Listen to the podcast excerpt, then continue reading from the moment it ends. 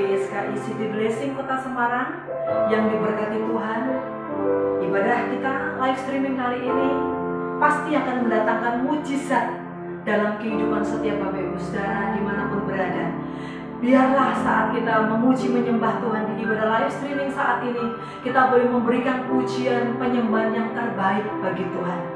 Sebab bersama Tuhan, kita akan melihat perkara-perkara yang ajaib dalam hidup kita. Bersamamu Bapa,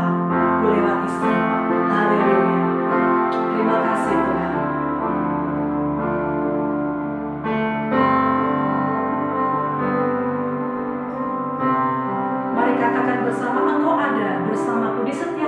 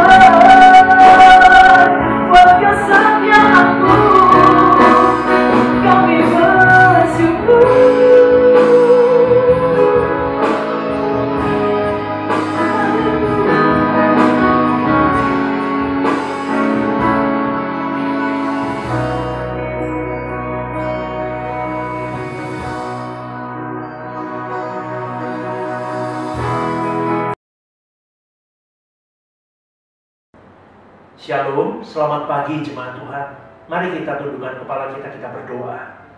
Bapak, terima kasih untuk hari ini. Terima kasih untuk kesempatan di mana kami boleh kembali belajar kebenaran firman-Mu. Beracaralah, beri kepada kami hikmat yang daripada Tuhan, sehingga kami boleh melakukan kehendak Tuhan dalam hidup kami sehari-hari. Dalam nama Yesus kami berdoa. Amin.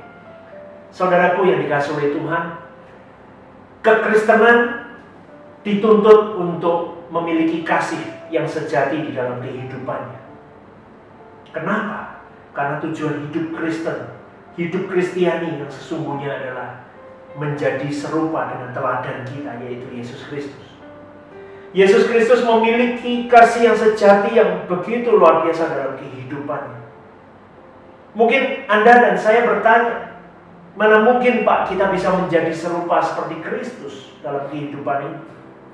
Dia Allah dengan segala keilahiannya, mana mungkin kita bisa menyerang, menyamai atau menyerupai Yesus dalam kehidupan kita? Tentunya kita tidak akan pernah bisa atau mungkin tidak akan pernah kita bisa menyentuh level di mana Yesus dengan keilahiannya kita bisa seperti dia. Tetapi di dalam kemanusiaannya tentu kita akan dapat menjadi serupa seperti Yesus. Kita bisa menjadi seperti Yesus di dalam kehidupan kita sehari-hari. Seperti yang biasa saya katakan, bagaimana dengan kehidupan Yesus jika Yesus hidup di zaman ini? Apakah sudah sama dengan kehidupan kita sebagai orang Kristiani? Kita harus belajar memaksa diri kita. Kita harus belajar terus fokus pada kehidupan kita. Sedetil-detilnya. Mungkin hal-hal kecil yang mungkin yang selalu kita lupakan, kita remehkan di dalam kehidupan ini. Kita harus kembali tarik lagi. Hal-hal kecil itu pun, apakah Yesus akan melakukan itu jika dia hidup di zaman ini? Apakah Yesus juga melakukan hal yang sama yang seperti saya lakukan hari ini? Bagaimana saya berucap, bagaimana saya berpikir, bagaimana saya melakukan segala sesuatunya di dalam hidup ini. Sama nggak seperti Yesus yang kalau dia hidup di zaman ini, saya itu mewakili Yesus nggak? Atau serupa nggak dengan kehidupan Yesus? Mari kita buka di dalam Filipi 2 ayat yang kelima sampai yang ketujuh. Firman Tuhan berkata seperti ini, "Hendaklah kamu dalam hidupmu bersama menaruh pikiran dan perasaan yang terdapat juga dalam Kristus Yesus, yang walaupun dalam rupa Allah tidak menganggap kesetaraan dengan Allah itu sebagai milik yang harus dipertahankan, melainkan telah mengosongkan dirinya sendiri dan mengambil rupa seorang hamba dan menjadi sama dengan manusia." Haleluya! Saudaraku yang dikasih oleh Tuhan, sering kali saya bertanya dalam kehidupan ini, apa tujuan kekristenan sebetulnya? Apa tujuan saya dan Anda yang bisa kita katakan kita anak-anak Allah, umat-umat pemenang, umat-umat Allah, umat-umat pilihan?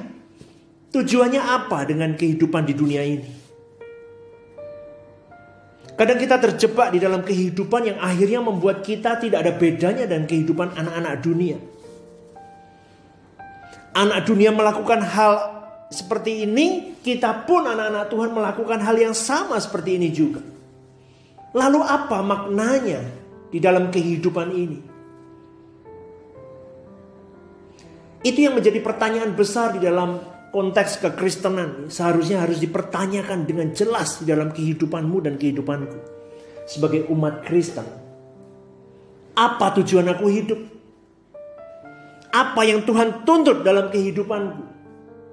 Oh pasti Tuhan tuntut dalam kehidupan kita. Yang nantinya kita akan akan membawa pertanggungjawaban hidup kita di depan tahta pengadilan Allah. Apa yang harus membuat kita aku harus tampil berbeda. I am different. Saya berbeda dengan dunia ini. Tetapi kalau kita lihat kehidupan Kristiani hari-hari ini, saudaraku, tidak ada bedanya. baik hamba-hamba Tuhan, pengerja, jemaat semuanya bisa saya bilang hampir rata-rata hampir sama dengan dunia ini. Oleh sebab itu, kita kembali kepada akar kekristenan itu sendiri. Siapa teladan kekristenan itu? Oh, jelas Pak, Yesus Kristus. Oke, kita belajar.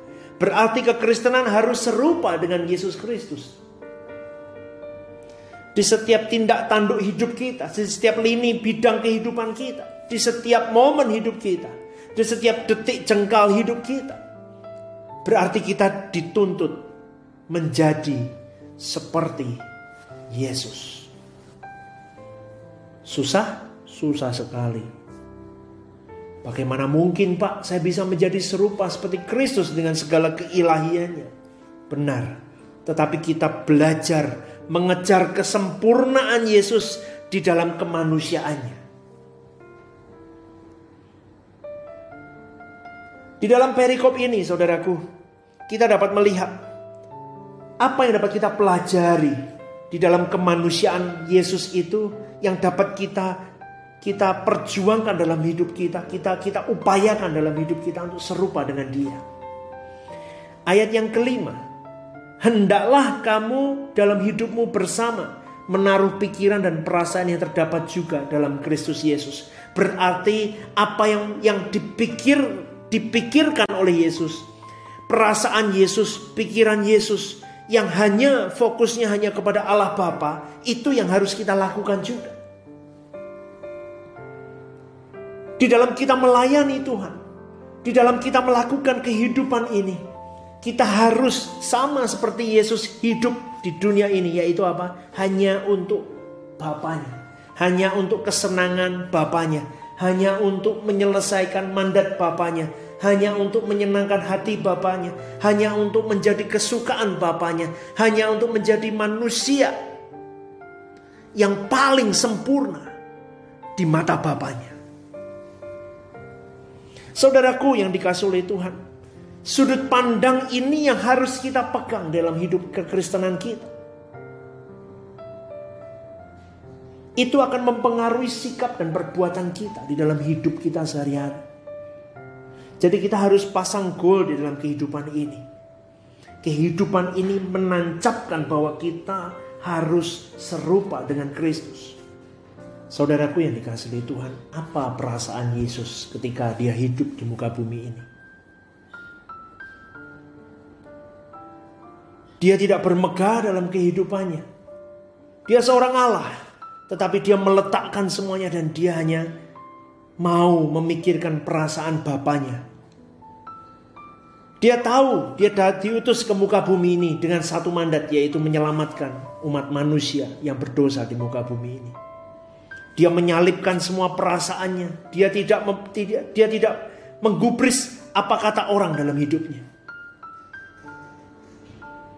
Itulah yang digunakan Yesus di dalam melayani. Itu bisa kita terapkan dalam kehidupan ini. Seringkali ketika kita melayani Tuhan, banyak sekali halangan rintangan yang begitu berat saudaraku. Namun percayalah kita belajar menjadi pribadi seperti Yesus. Kadang perasaan diri, harga diri kita, ego kita. Kita harus salibkan dan kita lepaskan semuanya. Kita belajar mengutamakan hanya untuk Bapa saja. Untuk kesenangan Bapa hidupku. Sehingga ketika kita melayani Tuhan mungkin banyak sekali kita mendapatkan kita tidak merasa tidak dihargai. Mungkin manusia menganggap kita remeh. Mungkin manusia melihat kita Allah sebelah mata. Allah gerejamu kecil. Allah siapa sih kamu? Jemaatmu nggak banyak kok. Allah sudahlah ini dan itu. Saudaraku dikasih oleh Tuhan. Kita belajar dari Yesus. Kita belajar untuk hanya memikirkan perasaan Bapa saja. Lu susah Pak, lu susah memang.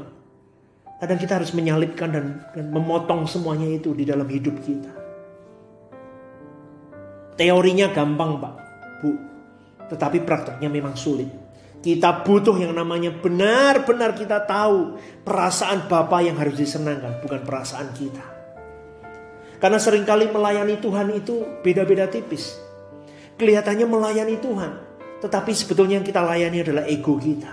Kelihatannya kita melayani Tuhan, tetapi sebenarnya yang kita layani adalah agenda pribadi kita. Dan itu Tuhan tidak tidak disenangkan. Bapa tidak senang dengan hal itu. Kita kita lihat saudaraku, kalau Yesus mau memiliki agenda sendiri dalam kehidupan pelayanannya, dia bisa. Tetapi itu tidak dilakukan Yesus dalam kehidupan pelayanannya. Dia tetap belajar. Aku harus memiliki perasaan dan pikiran hanya untuk menyenangkan Bapa di surga saja. Pikirannya fokus hanya ke sana. Pikirannya fokus hanya kepada Bapa saja. Tidak yang lain. Bagaimana dengan kehidupan kita? Bagaimana dengan kehidupan kekristenan kita? Apakah pikiran dan perasaan kita hanya fokus kepada menyenangkan Bapa atau tidak? Yang bisa menjawab adalah diri kita sendiri, saudaraku. Kita tahu, kita pasti tahu, aku melakukan ini semua apakah untuk kesenanganku atau untuk kesenangan Bapa. Kalau untuk kesenangan Bapa, saya percaya saudaraku, tidak ada konflik yang begitu berat di dalam dunia pelayanan atau apa pun. Kita harus bisa saling mengerti, oh semuanya kita lakukan hanya untuk Bapak, bukan untuk kita pribadi.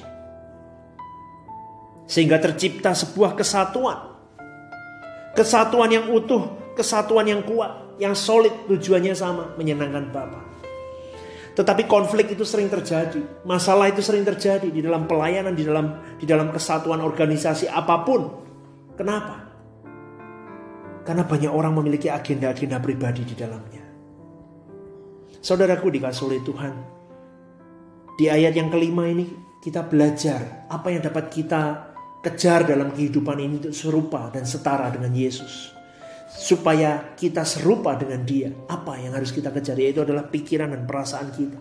Hanya untuk menyenangkan Bapak kita. Mari kita cek dalam hidup kita. Sudah belum aku pikiranku hanya untuk menyenangkan Bapak.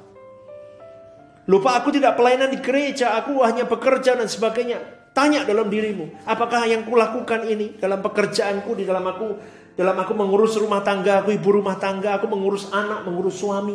Apakah aku sudah sepikiranku, perasaanku sudah untuk menyenangkan Bapak? Dan saya selalu katakan saudaraku, pribadi yang mencintai Bapaknya, pribadi yang mencintai Allahnya, dia pasti pribadi yang melayani Tuhan. Pribadi yang mencintai Allahnya pasti dia adalah pribadi yang suka memberi. Pribadi yang mencintai Allahnya pasti adalah pribadi yang suka rela berkorban dalam hidupnya. Pribadi yang hanya mementingkan dirinya sendiri. Saya yakin dia tidak sepikiran dan seperasaan dengan Allah. Pribadi yang tidak peka dengan keadaan sekitarnya dia bukan pribadi yang sepikiran dan seperasaan dengan Allah. Jadi kalau dirimu mengklaim bahwa aku seperasaan dan sepikiran dengan Allah, automatically, otomatis Anda memiliki poin-poin yang saya sebutkan tadi. Bagaimana mungkin engkau melayani seperti model begini? Engkau katakan aku memiliki pikiran dan seperasaan seperti Allah. Seperti Kristus yang memikirkan hanya untuk kepentingan Bapaknya. Oh tidak mungkin. Bagaimana engkau bisa katakan pikiranmu untuk melayani Tuhan aja nggak ada waktu. Oh nggak mungkin pak, saya nggak punya waktu pak untuk melayani Tuhan. Oh nggak mungkin pak, saya hitung-hitungan sama uangku, aku nggak cukup pak untuk untuk untuk memberikan persepuluhan, untuk memberikan persembahan ke gereja, nggak cukup pak. Bagaimana mungkin kau bisa katakan itu kalau kau katakan aku aku hanya memikirkan perasaan dan dan dan pikiranku hanya kepada Bapa. Oh nggak mungkin. Itu hanya pemanis bibir saja saudaraku. Tapi pribadi yang benar-benar dia memikirkan hanya untuk kepentingan Bapa saja. Pribadi tersebut rela berkorban, rela memberi, rela tanggung jawab semuanya diberikan. Waktu, harta, tenaga, semuanya. Hanya untuk kepentingan Tuhan saja. Bagaimana cara Anda melayani Tuhan? Bagaimana cara Anda hidup di dalam masyarakat? itu menunjukkan seberapa dalam Anda membawa pikiran dan perasaanmu seperti Kristus hanya untuk Bapaknya. Wong kerja aja tidak tanggung jawab, pelayanan aja tidak tanggung jawab, pegang hartamu yang Tuhan titipkan atas hidupmu aja tidak tanggung jawab. Dengan orang tuamu, dengan anak-anakmu, dengan pasanganmu pun tidak bertanggung jawab. Bagaimana engkau bisa katakan? Engkau memikirkan perasaan Bapa. Sedangkan orang yang kau lihat sekalipun. Orang yang kau kasihi seharusnya. Yang ada di depan matamu. Tidak pernah kau pikirkan. Bagaimana kau bisa katakan aku pikiran dan perasaanku seperti Yesus. Aku memikirkan kepentingan Tuhan. Bagaimana kalau engkau melayani aja sembarangan? Naik turun. Kalau sesuai maunya baru melayani Tuhan. Kalau baru nggak mood sudah seenaknya melayani Tuhan. Bagaimana mungkin saudaraku? Pribadi seperti Kristus adalah pribadi yang berpikiran dan berperasaan hanya untuk kepentingan Bapa. Di dalamnya ada kasih, di dalamnya ada pengorbanan, di dalamnya ada tanggung jawab, di dalamnya ada disiplin, di dalamnya ada segala sesuatu yang mengikat, yaitu kasih yang sejati kepada Bapaknya. Bagaimana dengan kita? Tarik kembali. Seperti yang biasa saya katakan, bagaimana kalau Yesus hidup di zaman ini? Apakah seperti saya? Apakah seperti saudara? Apakah seperti umat Kristiani yang ada di zaman ini? Saudaraku yang dikasih oleh Tuhan. Di dalam di dalam ayat yang ke-6 sampai yang ke-7a, firman Tuhan berkata seperti ini, yang walaupun dalam rupa Allah tidak menganggap kesetaraan dengan Allah itu sebagai milik yang harus dipertahankan, melainkan telah mengosongkan dirinya sendiri. Alkitab mengartikan bahwa orang yang rendah hati adalah orang yang tidak semata-mata memikirkan dirinya sendiri. Itu yang dapat kita pelajari dari karakter Yesus. Kita harus perjuangkan. Kita harus memiliki kerendahan hati, saudara. Selain dia memiliki pikiran dan perasaan hanya untuk Bapaknya, Yesus memiliki kerendahan hati yang luar biasa. Yesus juga tidak bersikap ambisius. Dia tidak memprioritaskan kepentingan dirinya, tetapi dia lebih memprioritaskan kepentingan Bapaknya yang yang yang dia sembah, yang dia yang dia agungkan dalam hidupnya.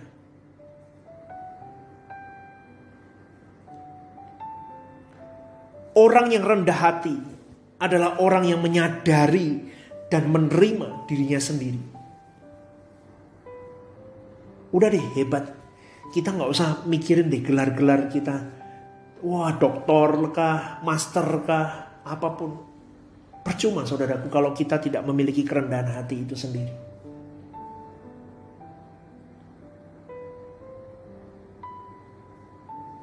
Pribadi yang memiliki kerendahan hati, ia akan menyerahkan dirinya kepada Kristus sebagai hamba agar apa yang ada padanya dapat dapat mempermuliakan Allah dan menjadi berkat bagi sesamanya.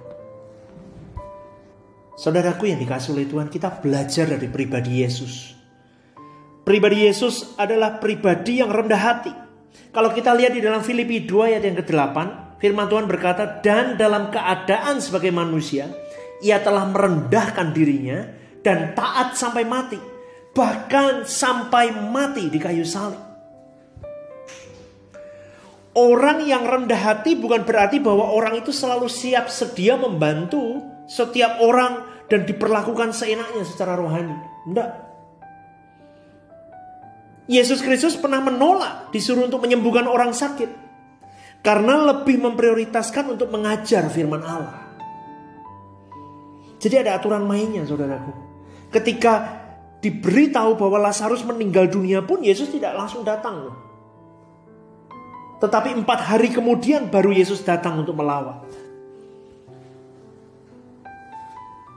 Yesus memiliki prioritas. Yesus juga berani menentang dan menegur orang-orang yang menyimpang dari kebenaran. Dengan kerendahan hati bukan berarti sembarangan. Bukan berarti lembek, bukan berarti takut untuk menyuarakan kebenaran. Untuk menguji kerendahan hati bukanlah berapa banyak kita bersedia menderita, tetapi berapa banyak kita mau berkorban hanya untuk pekerjaan Tuhan. Berapa banyak kita berani berkorban hanya untuk menyenangkan perasaan Bapak kita. Pribadi Yesus adalah pribadi yang begitu luar biasa di dalam menerapkan kerendahan hati.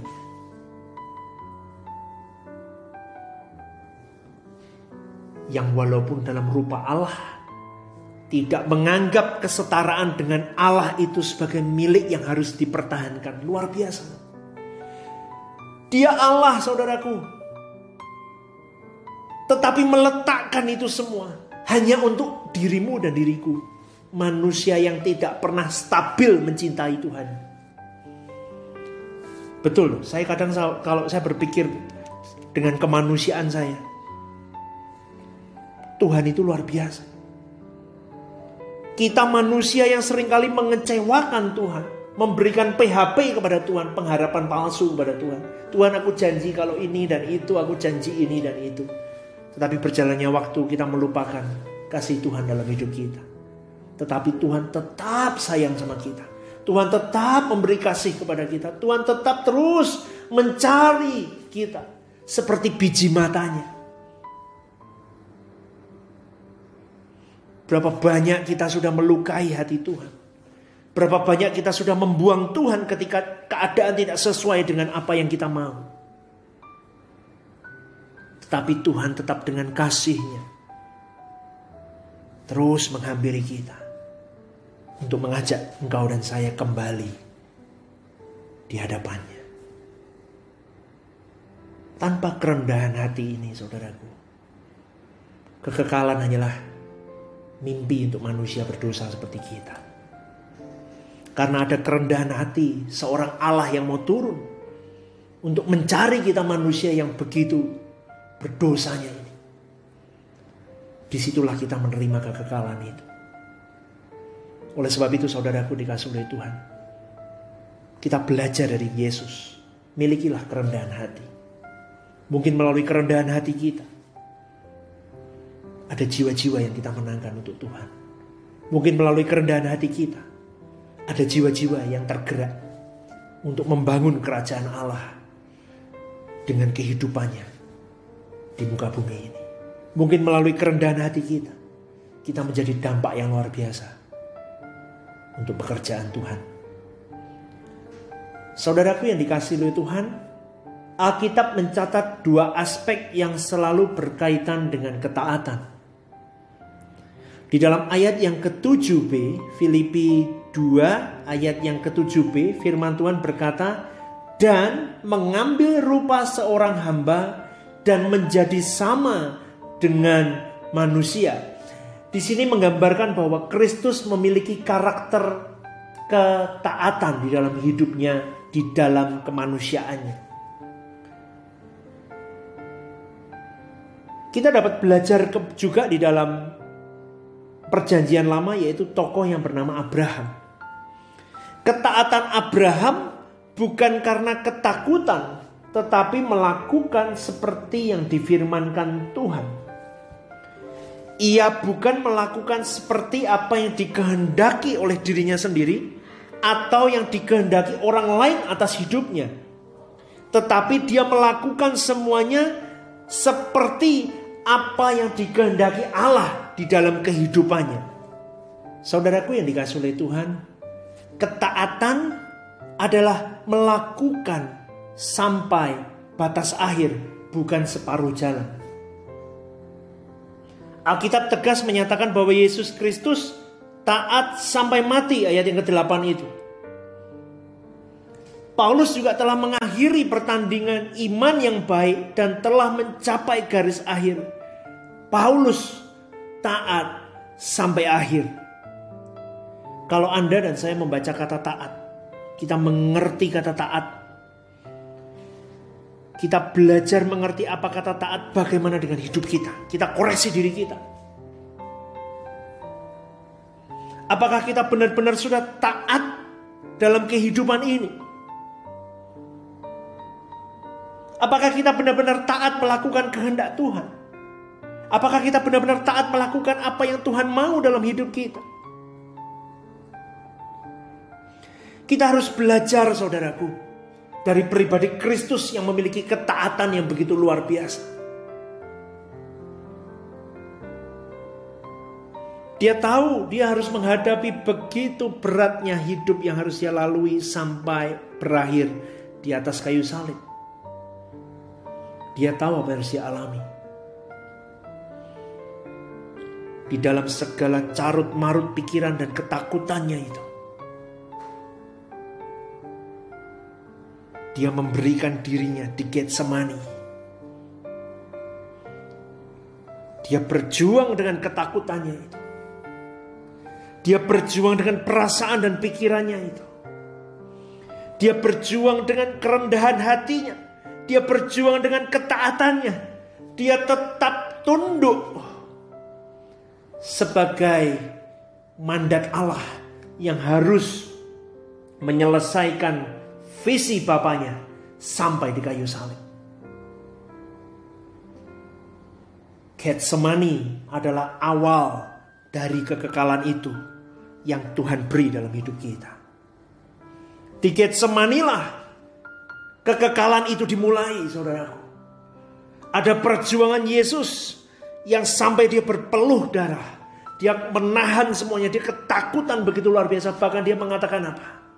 Bapak, jika boleh, cawan ini berlalu daripadaku. Itu menunjukkan betapa takutnya dia menjadi men, melihat keadaan yang akan dialami di dalam kemanusiaannya. Sama dengan kita saudaraku. Seringkali kita menghadapi kehidupan yang kita mungkin aku takut Tuhan, aku gentar melihat masa depanku. Aku tidak mau melalui itu jika boleh. Kalau boleh cawan itu berlalu daripadaku Tuhan. Tetapi Yesus ajarkan apa? Satu hal di dalam kemanusiaannya. Dia tutup doanya dengan kata-kata, bukan kehendakku Bapa yang jadi, melainkan kehendakmu yang jadi.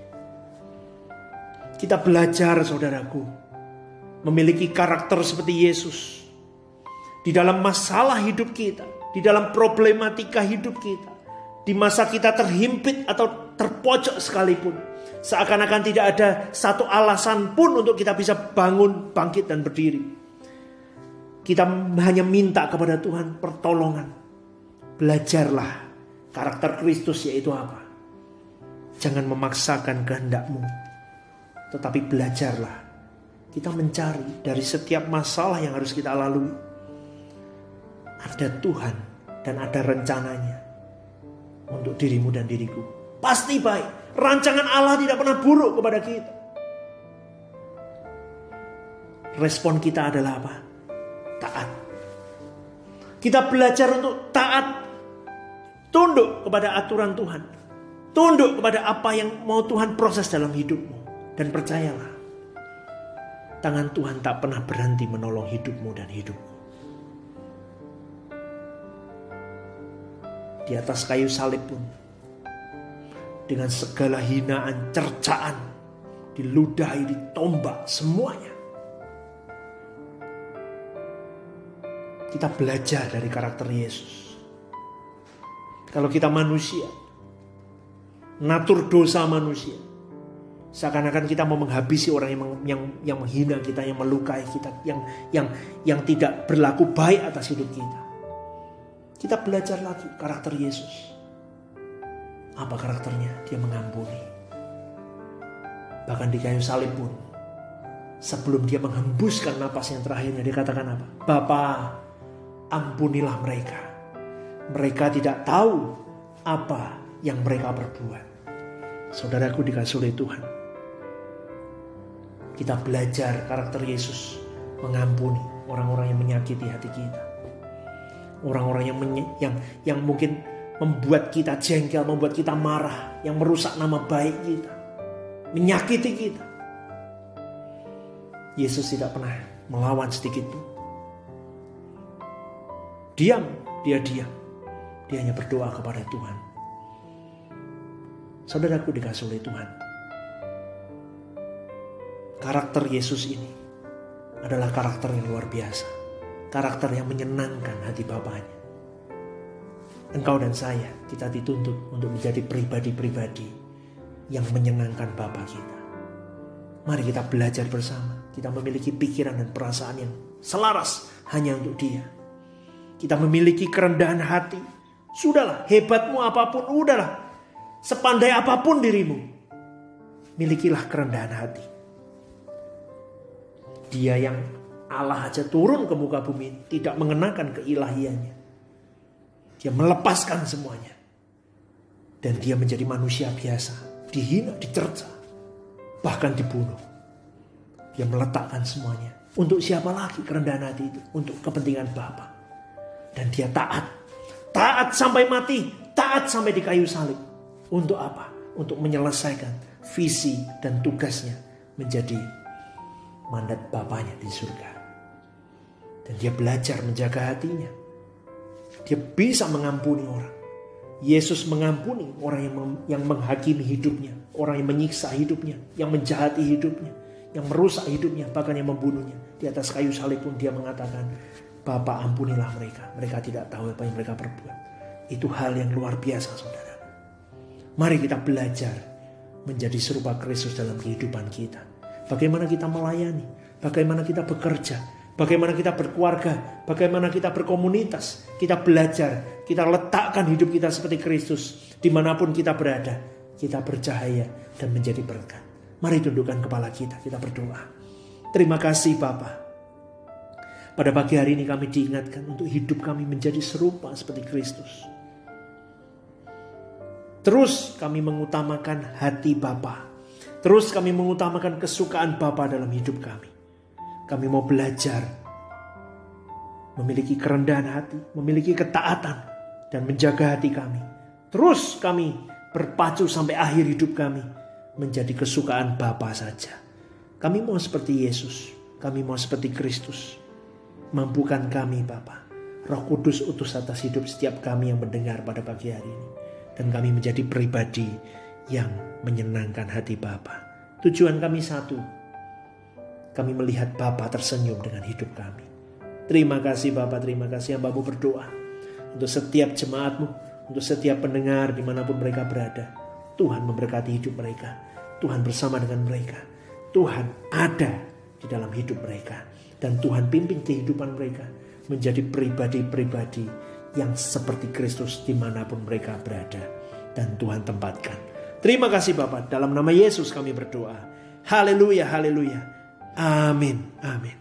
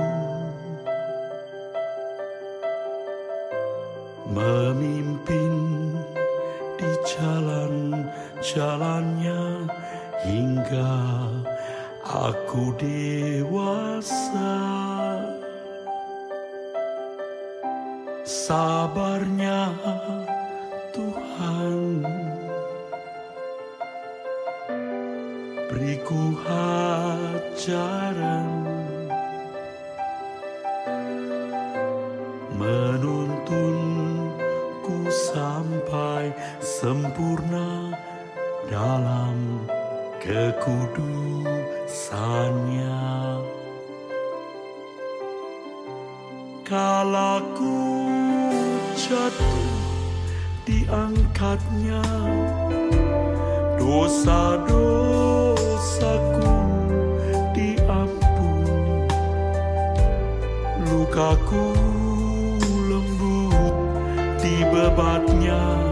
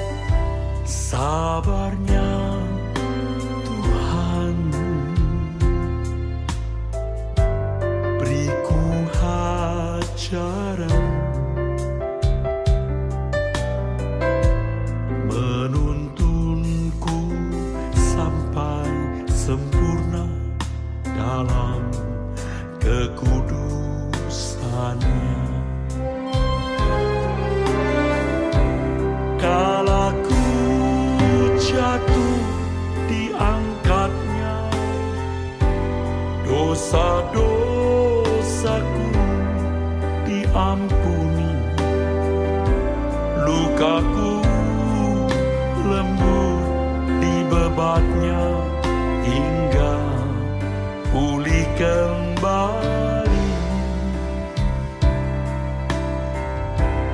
Tuhan ingin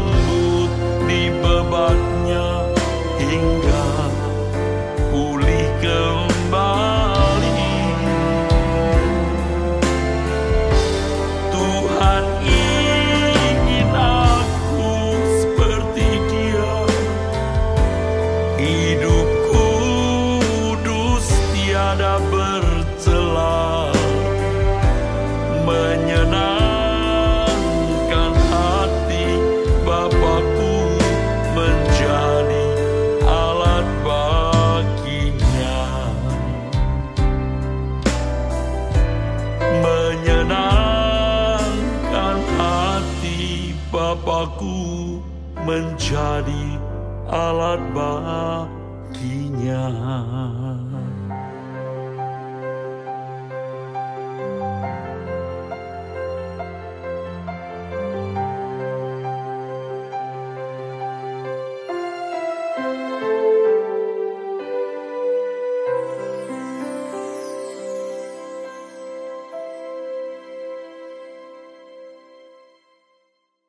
Saudaraku yang dikasih oleh Tuhan, angkat kedua tanganmu, terima berkat yang daripada Tuhan.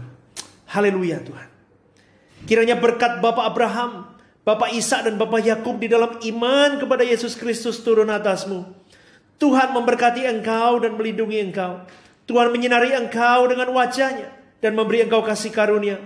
Tuhan menghadapkan wajahnya kepadamu dan memberi engkau damai sejahtera. Semua yang percaya katakan amin.